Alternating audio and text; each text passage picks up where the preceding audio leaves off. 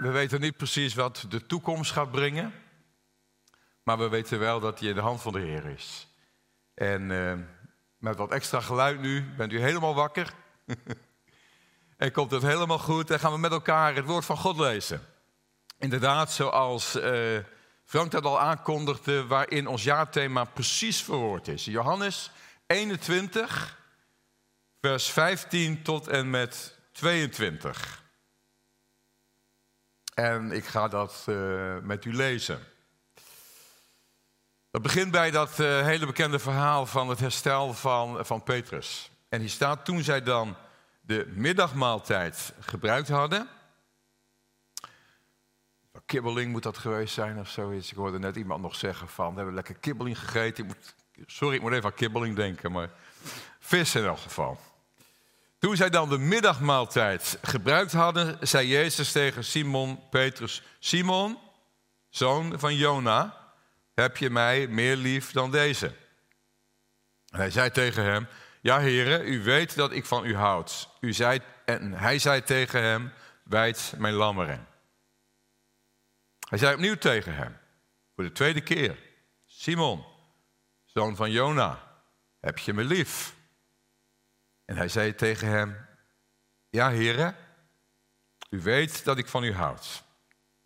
Hij zei tegen hem, hoed mijn schapen. Hij zei voor de derde keer tegen hem, Simon, zoon van Jona, hou je van me? Petrus werd bedroefd, omdat hij voor de derde keer tegen hem zei, hou je van me? En hij zei tegen hem, Heer, u weet alle dingen, u weet dat ik van u houd. Jezus zei tegen hem, wijd mijn schapen. Voorwaar, voorwaar, ik zeg u. Toen je jonger was, omgorde je jezelf en liep je waar je wilde. Als je oud geworden bent, dan zul je je handen uitstrekken. En een ander zal je omgorden en je brengen waar je niet heen wilt. En dit zei hij om aan te duiden met wat voor dood hij God verheerlijken zou. En nadat hij dit gezegd had, zei Jezus tegen Petrus: Volg mij. En Petrus zag, toen hij zich omkeerde, de discipel volgen die Jezus lief had. Die ook tijdens het avondmaal tegen zijn borst was gaan liggen. En gezegd had, Heere, wie is het die u verraden zal? Toen Petrus deze zag, zei hij tegen Jezus, Heere, maar wat zal er met hem gebeuren? En Jezus zei, als ik wil dat hij blijft totdat ik kom, wat gaat het u aan? Volg gij mij. En in ons jaartekst hebben we daar een soort van vraag bij gemaakt. Misschien wel met een uitroepteken en een vraagteken gelijktijdig. Volg jij mij? En dat is een vraag die door het hele jaar uh, terug zal komen. En die je denk ik in de eerste plaats uh, aan uh, jezelf moet stellen. En in de tweede plaats misschien ook als je stil bent, de stem van de Heer hoort die het tegen jou zegt. En misschien moet je het ook wel tegen elkaar zeggen. Volg je hem nog? Ook als we geen kerkdiensten hebben, volg je hem nog. Nou, het is dus in de context van dit verhaal is dat, eh, dat uh, dramatische gebeuren in het leven van Petrus. Petrus had Jezus eerst verraden. Het eerst, hè, Petrus was die man van de ik-woorden. Het gebeurt mij nooit. Het zal mij niet gebeuren. Zij misschien, maar ik niet. En de Petruszinnen voor deze tijd begonnen vaak met ik. Ik zal u niet verraden. En uh, als je deze rabbi volgt, deze rabbi Jezus, dan ga je merken, en dat was dus ook wat Petrus merkte, dat het volgen van de rabbi is niet per se altijd een weg omhoog, maar is een weg naar beneden. Een weg van afdalen, in bepaalde zin. Een weg van niet ik. Niet ik. En dit was zo'n diep dramatisch moment in het leven van Petrus, waarin hij dat niet vermanend, niet met het vingertje, maar door bij Jezus te zijn, dat opnieuw zo sterk ontdekte. En als je deze rabbi volgt, dan, dan sterft het ik en het maakt plaats voor u en zij. Dat is de vraag die Jezus ook stelt. Hou je van mij? Lieve mensen, dat is de vraag die we ons steeds weer mogen stellen. Hou ik van Jezus? Nou. En vervolgens ook, hoe uit je dat dan in de kerk bij mijn schapen? Het volgen van Jezus, naarmate je hem meer volgt, gaat het steeds minder om ik, gaat het steeds meer om u en gaat het steeds meer om zij. Uh, en dus de vraag dan, hoe ver uh, lijk ik al op Jezus? Want een navolging suggereert het volgen van een weg. In hoeverre lijk ik al op hem? Een christelijk geloof is navolging, mensen. Een christelijk geloof is niet een ticket voor de hemel hebben en voor des ga je gang. Een christelijk geloof is een weg van navolging. Het volgen van Jezus. En in het volgen steeds meer op hem gaan lijken. Want dat is een stukje achtergrond. Een stukje Joodse achtergrond. Het Joodse godsdienstige leven. Er is heel veel over te zeggen. Maar bestond onder andere uit plaatselijke rabbies. Rabbi betekent zoveel als meester. Plaatselijke rabbies, ons woord rabbijn komt daar nog vandaan. En de Chassidische Joden kennen speciale leraars en die, die, die noemen ze rebbe. Allemaal van hetzelfde woord. Maar het woord rabbi was dus in het Nieuwe Testament en in de Nieuwtestamentische tijd een heel gewoon woord voor een leraar. Vaak was dat een lokaal iemand. Wij zouden zeggen de dominee. Of de pastoor of de voorganger. die, was, die gaf leiding aan uh, de, de lokale synagoge. Maar dikwijls waren het ook rondreizende rabbies. Uh, en een rabbi had altijd een aantal leerlingen met zich mee. Van de grote Gamaliel, u kent die naam wel uit, uit Handelingen, wordt gezegd dat hij wel duizend leerlingen had die met hem optrokken, die met hem opliepen. Jezus had er twaalf, althans twaalf die hij zelf uh, uitgekozen had. En wat deden die rabbies? Ze, ze leerden uit de wet, ze leerden uit de boeken van Mozes, ze leerden uit de profeten, uit de psalmen. Maar wat zij vooral ook deden, het was niet zoals zij dat vaak georganiseerd hebben, een klasje waarin hè, de uh, leerlingen netjes in een rij zitten en onderwijs krijgen. Nee, ze, ze deelden hun leven met hun leerlingen. En een, een, een bekend gezegde van een Joodse uh, rabbi is dat als je een goede leerling bent, dan moet het stof van jouw leermeester, daar moet je mee overdekt zijn. Oftewel, stel dus helemaal dat letterlijk voor, als je door de stoffige wegen van Israël loopt, dan loopt die rabbi voorop en zijn leerlingen volgen hem. Navolging hebben we het over. Die volgen hem. En dat, was, eh, dat, was geen mooie, dat waren geen mooie eh, geasfalteerde wegen. Dat waren gewoon zandpaden.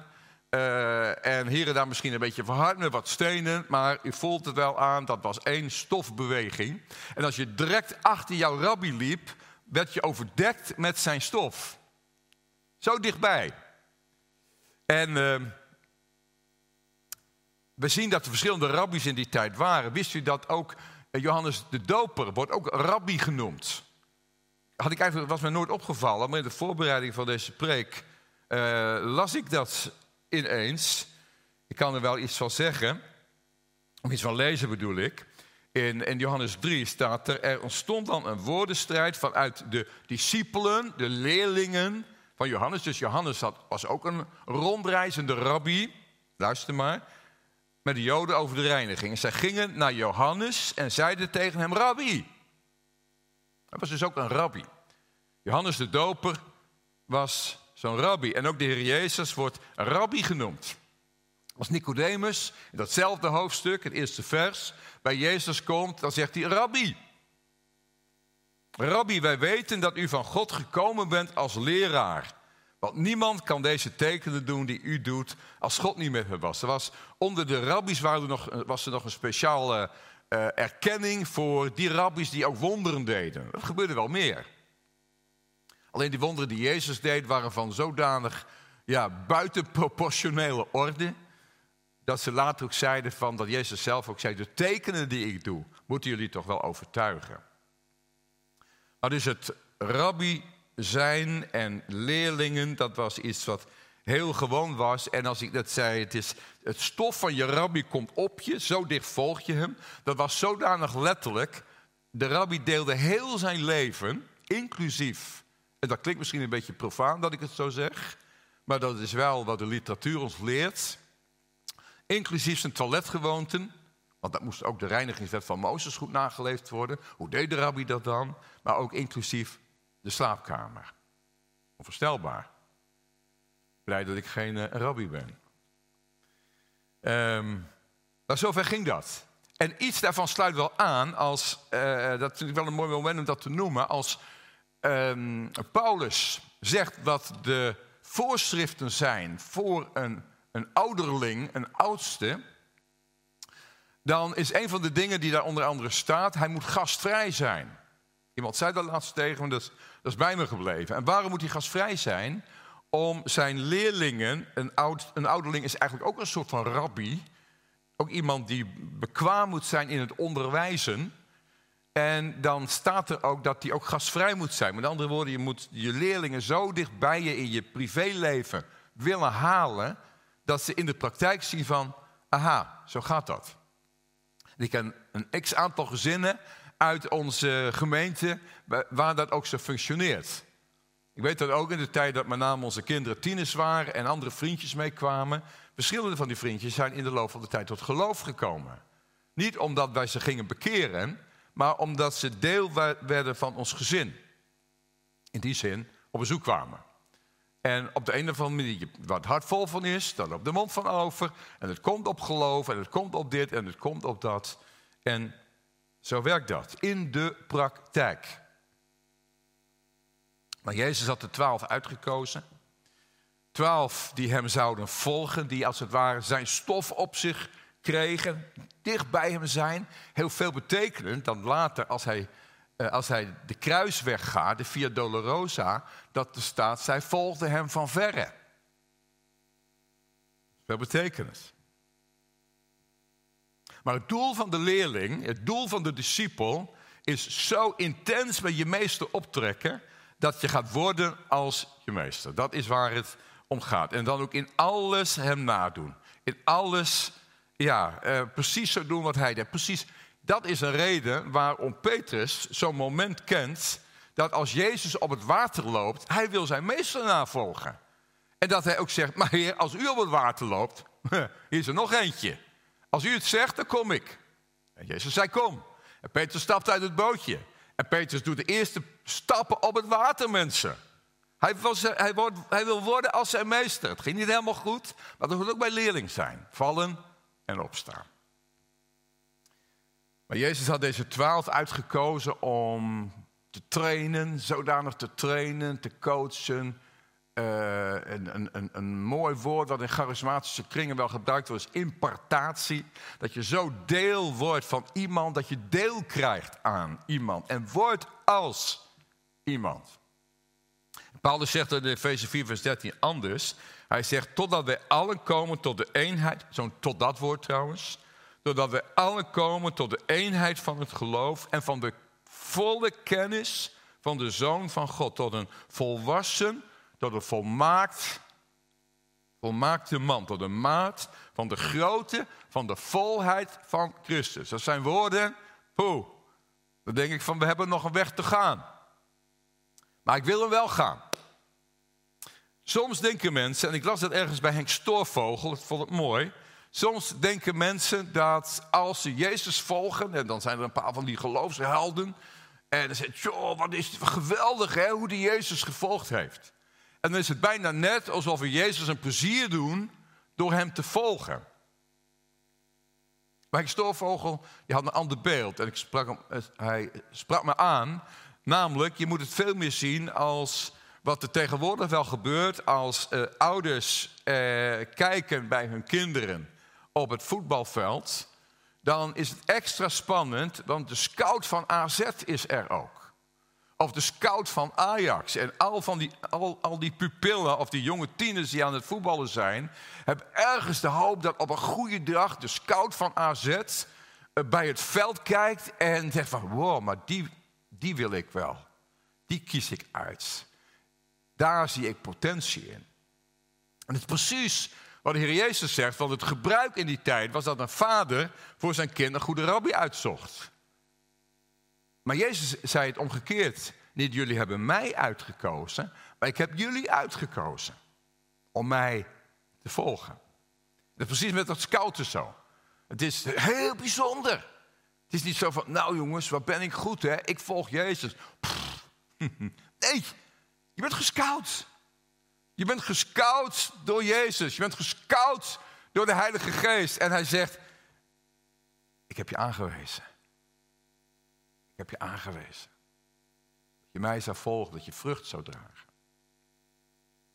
Afgelopen 1 uh, eh, januari, wij waren met ons uh, gezin even lekker eruit, het bos in, uh, naar de klimduin van Schorel. Het was goed, was mooi weer, het was redelijk goed weer. En um, toen waren we erachter, ik weet niet of u de klimduin kent, sommigen van u zijn er vast wel eens geweest. Dan kun je zo omhoog naar, via de klimduin om in het bos te komen, maar je kunt ook een beetje omlopen om in het bos te komen. Nou ja, wij liepen om natuurlijk. Om in het bos te komen. We hadden ook een wandelwagen bij ons. Waar onze jongste kleindochter in lag enzovoort. En toen kwamen we in die duinen kwamen we al uh, uh, een groep tieners tegen.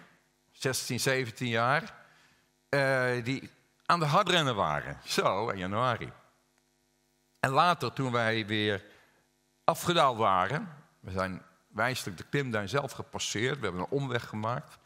Toen zagen we die jongens weer terug en we kwamen erachter dat het uh, gescoute jongens waren die inmiddels onder contract stonden bij AZ. En uh, terwijl we inmiddels weer aan de voet van de klimduin stonden, zagen we hun. En ze gingen aan, uh, ook naar de voet van de klimduin. En bovenin stond iemand zo te doen. En op zijn moment was het en toen gingen ze. Men, wat heb ik met bewondering naar die knapen gekeken, zeg. Ik uh, heb het niet gewaagd om ze na te doen, die klimduin op te rennen. Maar een beentempo, mensen. Een beentempo om op die klimduin te komen. En wie dan maar als eerste bij de trainer kwam. Het was echt een prachtig en vermakelijk gezicht. En er was één, één jongen die ging als eerste. Die, die, was ver voor de anderen aan, met een enorm beentempo op die, op die klimduin. Maar ik, we zagen wel, het laatste drie kwart, hij, hij, trok het niet meer. En werd hij ingehaald door de, door de anderen. In elk geval, er was een veel aangelegen. 1 januari, nieuwjaarsdag. Ze waren gescout. Ze stonden onder contract. hey, volgens mij hebben we hier ook een contract getekend toen we gedoopt werden. Ze stonden onder contract. En ze hadden er kennelijk alles voor over. Om te doen wat die man daarboven, die hun aan het trainen was, hun coach, hun rabbi, hun leermeester, hun leerde. Prachtig, eager waren ze. Ze wilden, denk ik, geen kans missen om promotie te kunnen maken, om in een goed daglicht te komen. Nou, zo gaat het in de wereld. Je volgt iemand om, ja, er beter van te worden. Bij deze meester is het net andersom. Je volgt niet iemand om er zelf beter van te worden, want je gaat juist ontdekken, als je hem volgt, dat het daar niet meer om gaat. Dat is het volgen van Jezus, daar gaat het dus niet om. Het gaat erom dat Hij in jou openbaar komt. Dat je op Hem gaat lijken. Dat je Hem gaat dienen. Trouwens, net zoals Johannes de Doper. Want wat was dat eigenlijk alweer indirect een soort van leerling van Jezus? Ze hadden niet echt met elkaar opgetrokken, maar hij wandelde al wel in die geest. Want een sterke heiligingsboodschap. Je moet rein leven, je moet je bekeren. Zorg dat je recht staat, want het lam komt. Het lam van God gaat komen. Niet ik, maar hij komt. Het gaat niet om mij, het gaat om hem. En ik denk dat hij zijn leerlingen daar goed in onderwezen heeft. En toen hij hem dan zag, zie je het lam van God. Dat is hem. Over hem heb ik het gehad. Het gaat niet om mij, het gaat om hem. Het was best wel een heel gevoelig moment toen, toen de discipelen van Johannes, uh, toen Johannes zei dat is hem, dat ze bij Johannes wegliepen en naar Jezus gingen. En dan zou je kunnen denken dat Johannes iets had van, jongen, jongen, jongen, zeg, dat gaat wel erg makkelijk zo bij me weglopen. Daar heb ik het dan allemaal voor gedaan, zeg. Nee, dat was een hele andere mentaliteit Johannes. Inderdaad, hier heb ik het voor gedaan.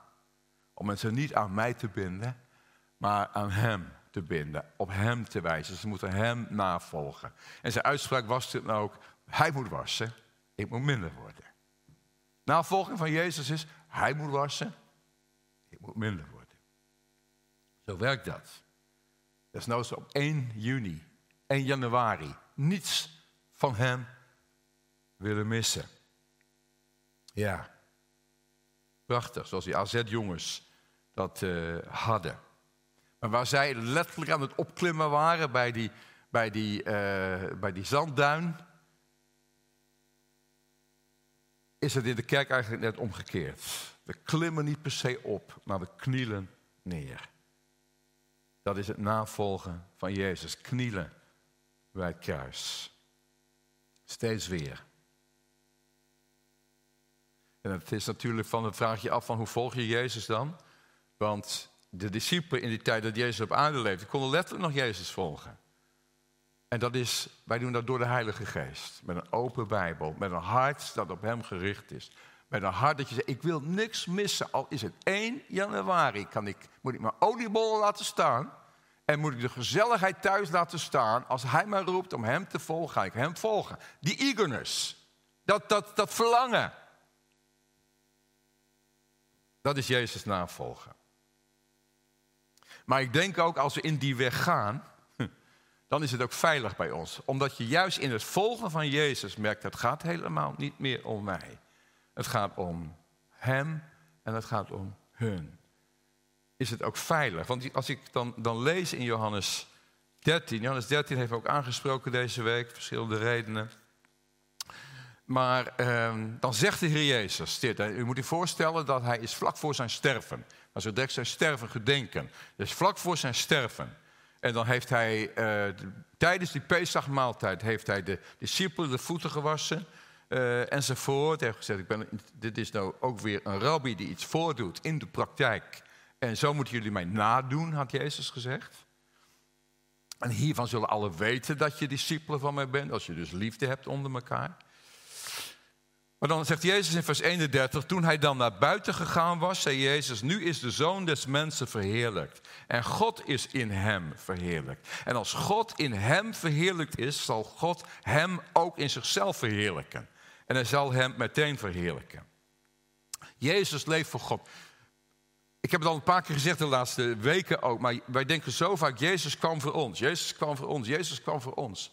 Nee, Jezus kwam voor God. Jezus kwam voor zijn vader. Jezus kwam met een diepe, diepe verlangen, de passie die hem dreef om in alles zijn vader te dienen, te gehoorzamen, want hij had de vader van harte lief en de vader had hem lief. Dat was hun tweeën, door de Heilige Geest. Jezus kwam om zijn vader te verheerlijken. Jezus kwam niet om de Jesus Ministries te beginnen. Jezus kwam niet om volgelingen voor zichzelf te maken om zichzelf. Hij kwam om de Vader te openbaren. Hij leefde voor God, zoals wij leven voor Christus. Wij leven niet voor onszelf. Mensen, een christen leeft helemaal niet voor zichzelf. Echt niet. Een christen leeft voor Christus. Maar als je daar leeft, dan, dan, dan, dan ontdek je dus ook, het gaat helemaal niet meer om mij. Ik doe er totaal niet meer toe. Ik tel mijn leven niet, zegt Paulus. Niet. En alles wat mijn winst was, ik acht het schade. Ik wil maar één ding, wil Christus winnen. Maar dan is het dus ook veilig dat God zijn heerlijkheid door jou kan openbaren. En dat is wat de Jezus hier zegt. Als God in hem verheerlijkt is, zal God hem ook in zichzelf verheerlijken. En hij zal hem meteen verheerlijken. Prachtig.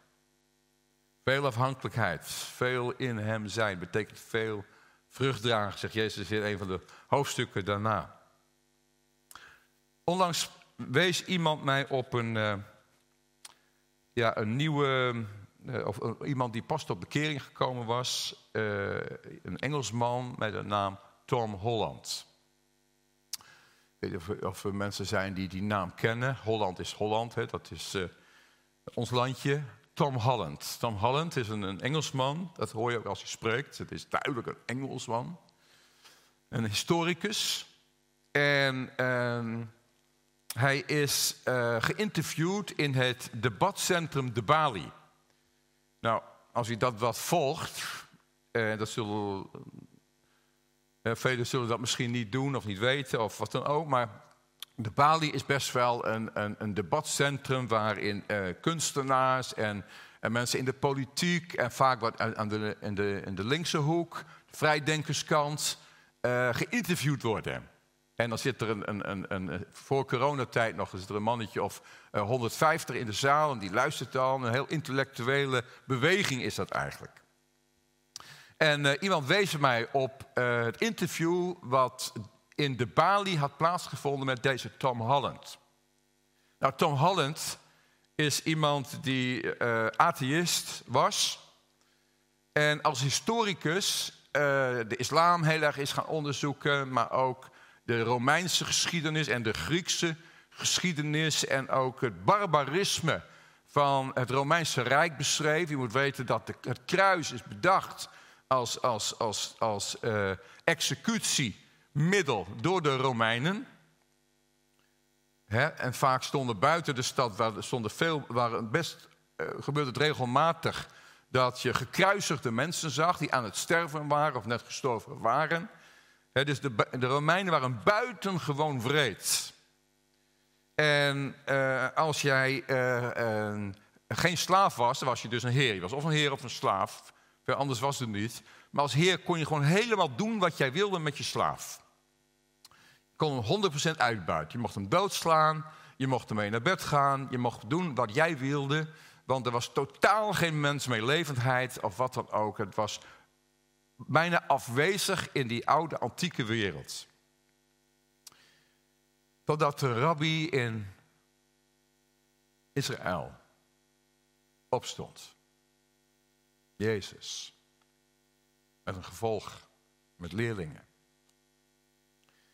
En deze rabbi die een totaal andere weg leerde dan alle andere leiders tot dan toe gedaan hadden. Namelijk dat als je wil dienen, als je wil leven, als je een impact wil hebben op anderen, dan geef je jezelf aan hun. Dan gaat het niet om jou, dan gaat het om hun, dan gaat het om dienen. Als Jezus dat ook voortdurend zegt, als iemand hem wil volgen en je eigen leven niet haat, niet op de tweede plaats legt, dan kun je hem niet volgen. Hij is een rabbi van een totaal ander soort, een leider van een totaal ander soort. De huidige managementboeken verwijzen naar Jezus, omdat ze ontdekt hebben, leiderschap functioneert pas echt als het dienend leiderschap is. Maar deze Tom Holland heeft die geschiedenis bestudeerd en is er eigenlijk in zijn analyse heeft hij ontdekt dat dat het begin was. Die man die daar gekruisigd is. Die man die daar zijn leven gaf. Nota bene de zoon van God. En hij heeft ontdekt hoe de geschiedenis vanaf dat moment totaal veranderd is. Wij kennen de woorden uit de Bijbel vaak als heel gewoon en bekend en spreken ze nog amper tot ons soms. Maar Paulus zegt bijvoorbeeld, in die nieuwe gemeenschap van mensen die Jezus navolgt, daar is nog man, nog vrouw, nog Jood, nog Griek, nog slaaf, nog vrije, nog heer, nog slaaf. En dat is zo extreem revolutionair. En deze Tom Holland toont aan dat vanaf dat deze rabbi uit Nazareth op het toneel is verschenen, er een beweging is ontstaan die volstrekt nieuw was in de geschiedenis van de mensheid. Waarin het niet meer ging om ik, om me, myself en I. Maar waarin het ging om de ander. En we hadden in het begin van de coronacrisis ook wel gedeeld met elkaar. Dat toen op een gegeven moment, toen, toen er een pest was in, in Rome. Dat daar die groep volgelingen van die Messias, van die rabbi was. Die zei, het maakt ons niet uit als wij besmet raken. Maar we gaan deze mensen dienen, deze stervende mensen gaan wij dienen heeft een ommekeer teweeggebracht in het Romeinse Rijk. En hij toont aan, is het Tom Holland, dat dat doorgaat in de geschiedenis. Dan, dan zegt hij op een gegeven moment de vraag, maar wat is nou, de interviewer vraagt dan, wat is het nou dan? En dan zegt hij, het is deze man, het is deze Jezus.